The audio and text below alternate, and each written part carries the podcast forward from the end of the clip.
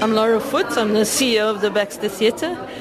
And we are very happy to be hosting this project. I think it's very important.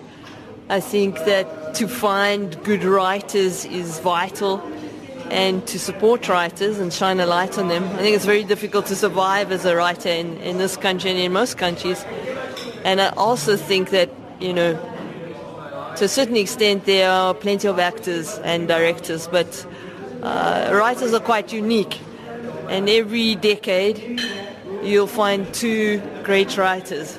And the, the, the worry is that sometimes you won't find them or they'll slip through the cracks. So this is a perfect opportunity. And I think Hugo's brainchild, I think it's a great opportunity to have this kind of market where uh, young writers can be platformed.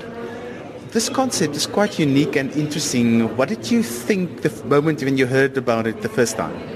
Well, I mean, uh, I immediately thought this is a fantastic idea. There, has, there, there have been projects like this in Europe, you know, and, and, and I've always wondered why we don't do it. I suppose it takes an enormous effort.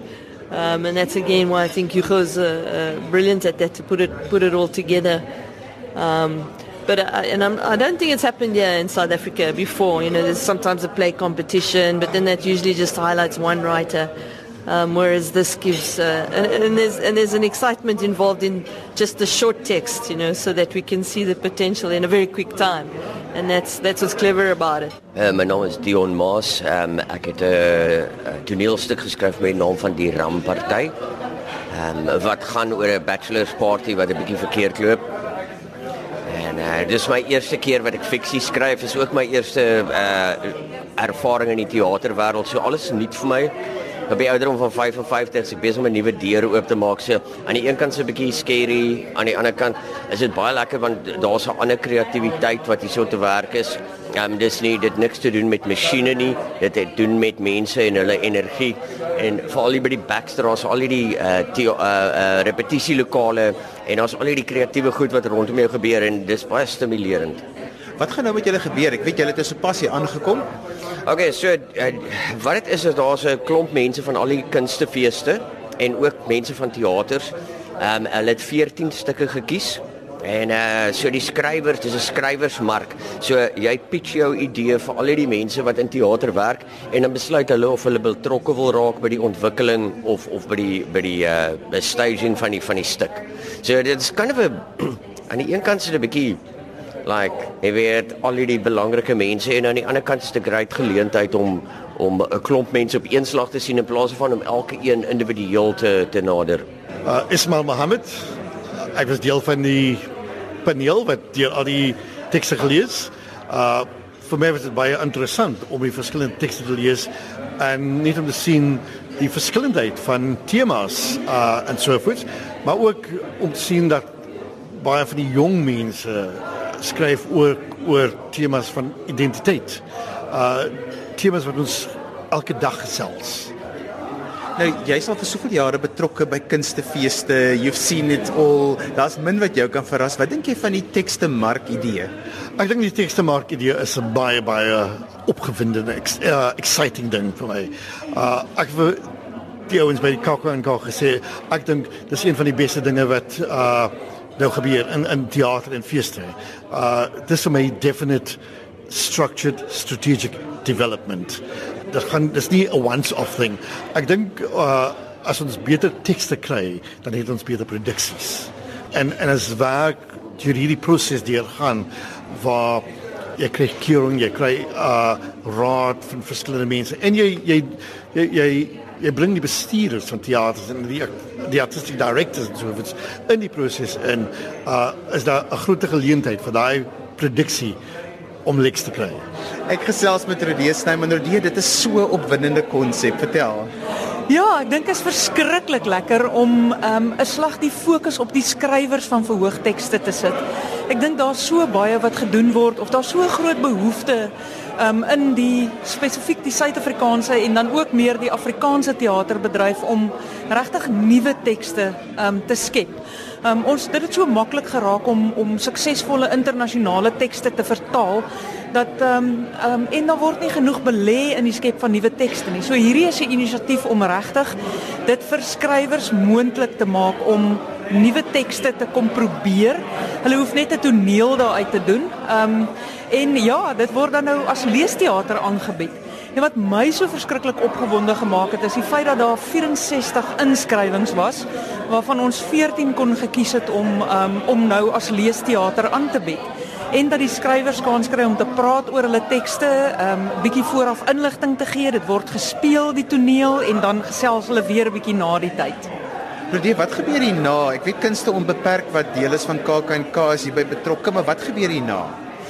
Ek dink die idee vandag is hier's 'n klomp rolspelers in die bedryf. Ehm um, uh, wat vandag hier is. So die idee is dat die ander feeste is almal hierso. Ehm um, en dat 'n mens dan kan kan kyk na watter tekste lyk vir jou interessant.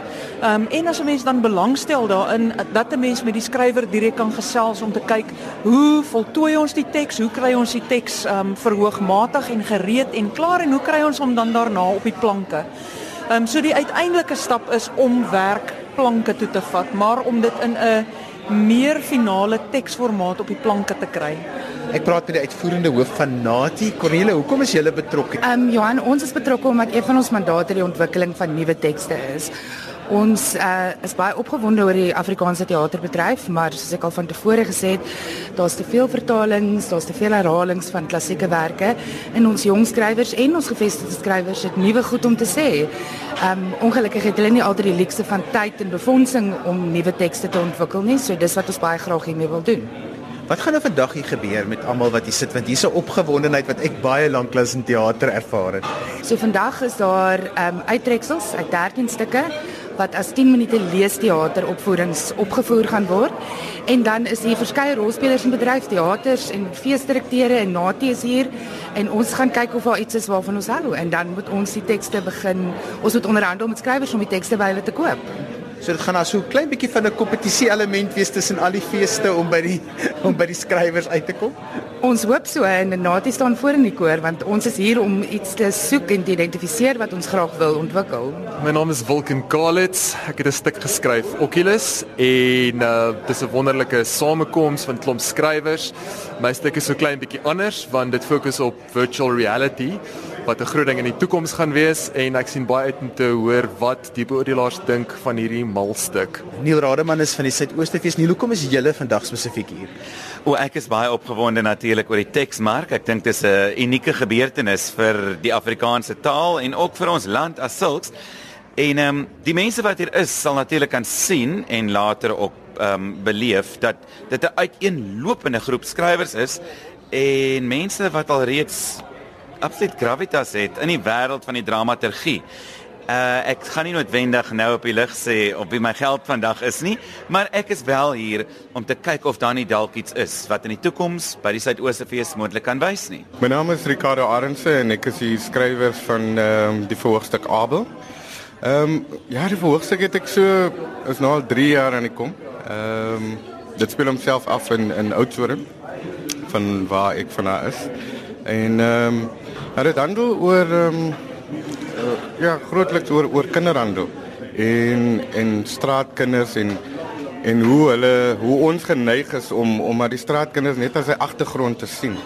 En dit het my maar 'n bietjie laat dink aan wat as een van hulle wegraak, jy weet, sal sal enige iemand genoeg omgee om agter om vir hulle te gaan soek. En ehm um, en dis waar waar die idee gekom het. Hoe ervaar jy hierdie platform wat nou vir julle as nuwe dramaturge geskep word? Wel ek dink ek dink is 'n uh, eh, is amazing is is is is baie um, opwindend. Ek ek dink vir ons die die ding wat jy wil wil wil hier uitkry is dat jy weet dat jou teks gereed is vir die vir die mark buite en en dis 'n wonderlike geleentheid wat kunste onbeperk vir ons gegee het ja. Ek gesels met Dani, maar Dani, jy het vanoggend die paneel gelei. Vertel 'n bietjie vir ons, wat het jy, wat is die doel van die gesprek en dan ook wat het vir jou uitgestaan? Ek dink die groot doel was om uit te vind wat het teksmakers nodig, nie net teatermakers nie, maar die ouens wat die tekste skryf, die dramaturge van die toekoms en van nou nodig om suksesvolle teatertekste te ontwikkel. En ek dink een van die goeders wat vir my nooit so duidelik was nie, nou vir my na vanoggend en die hele teksmark inisiatief ekstra duidelik is, is dat jy het nie net 'n kamertjie en 'n uh, uh, 'n skootrekenaar nodig om 'n ordentlike drama te skryf nie. Jy is baie meer afhanklik van 'n klankbord van mense wat die woorde aan jou begin terugpraat sodat jy kan hoor hoe dit klink. En daarom dink ek is hierdie is hierdie 'n fantastiese stap in die regte rigting waar daar waar mense wat vervaardigers is kan kom kyk na 20 stukke met potensiaal en waar skrywers aan die ander kant hulle eie woorde kan hoor en kan kyk watter reaksie daar is nie net van 'n gehoor nie, maar van die mense wat wat dit moet speel, die akteurs en ook van die vervaardigers, want sonder die vervaardigers kom maar natuurlik niks op die planke. Wat is jou van die oplossings wat uitgestaan het vanoggend? Want daar's baie sulke gesprekke, maar daar's selde oplossings. Mense gooi maar net gedagtes rond.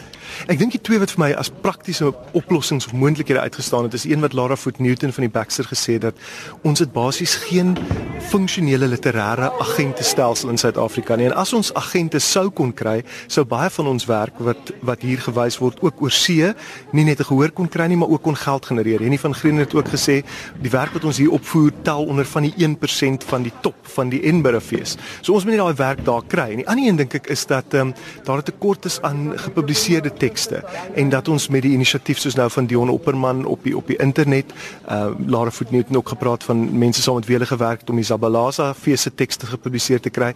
Ek dink daai is 'n baie belangrike volgende stap om die werk wat wel geskep is beskikbaar te maak. Hoewel daar nie 'n mark is om miskien dramas te koop nie, is daar definitief belangstelling van jong teatermakers om dit in die hande te kry om daarmee te kan werk.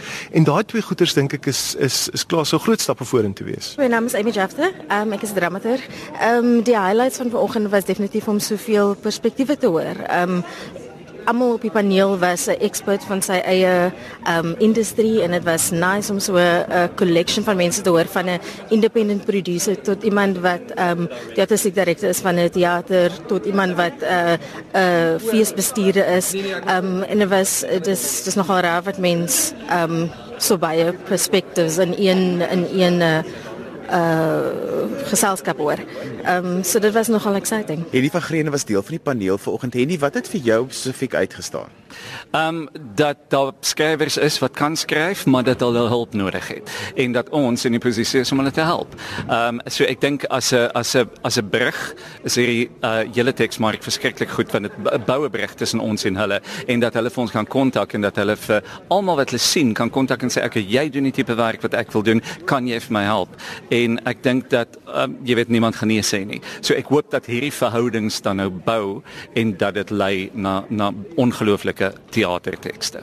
Ons het nie tekste nie. Ehm um, ons het nie tekste wat wat warm is nie. Ons het nie tekste wat ek dink oor 5 jaar relevant kan wees nie. So as ons van hierdie mense kan kry om daai tekste te skryf.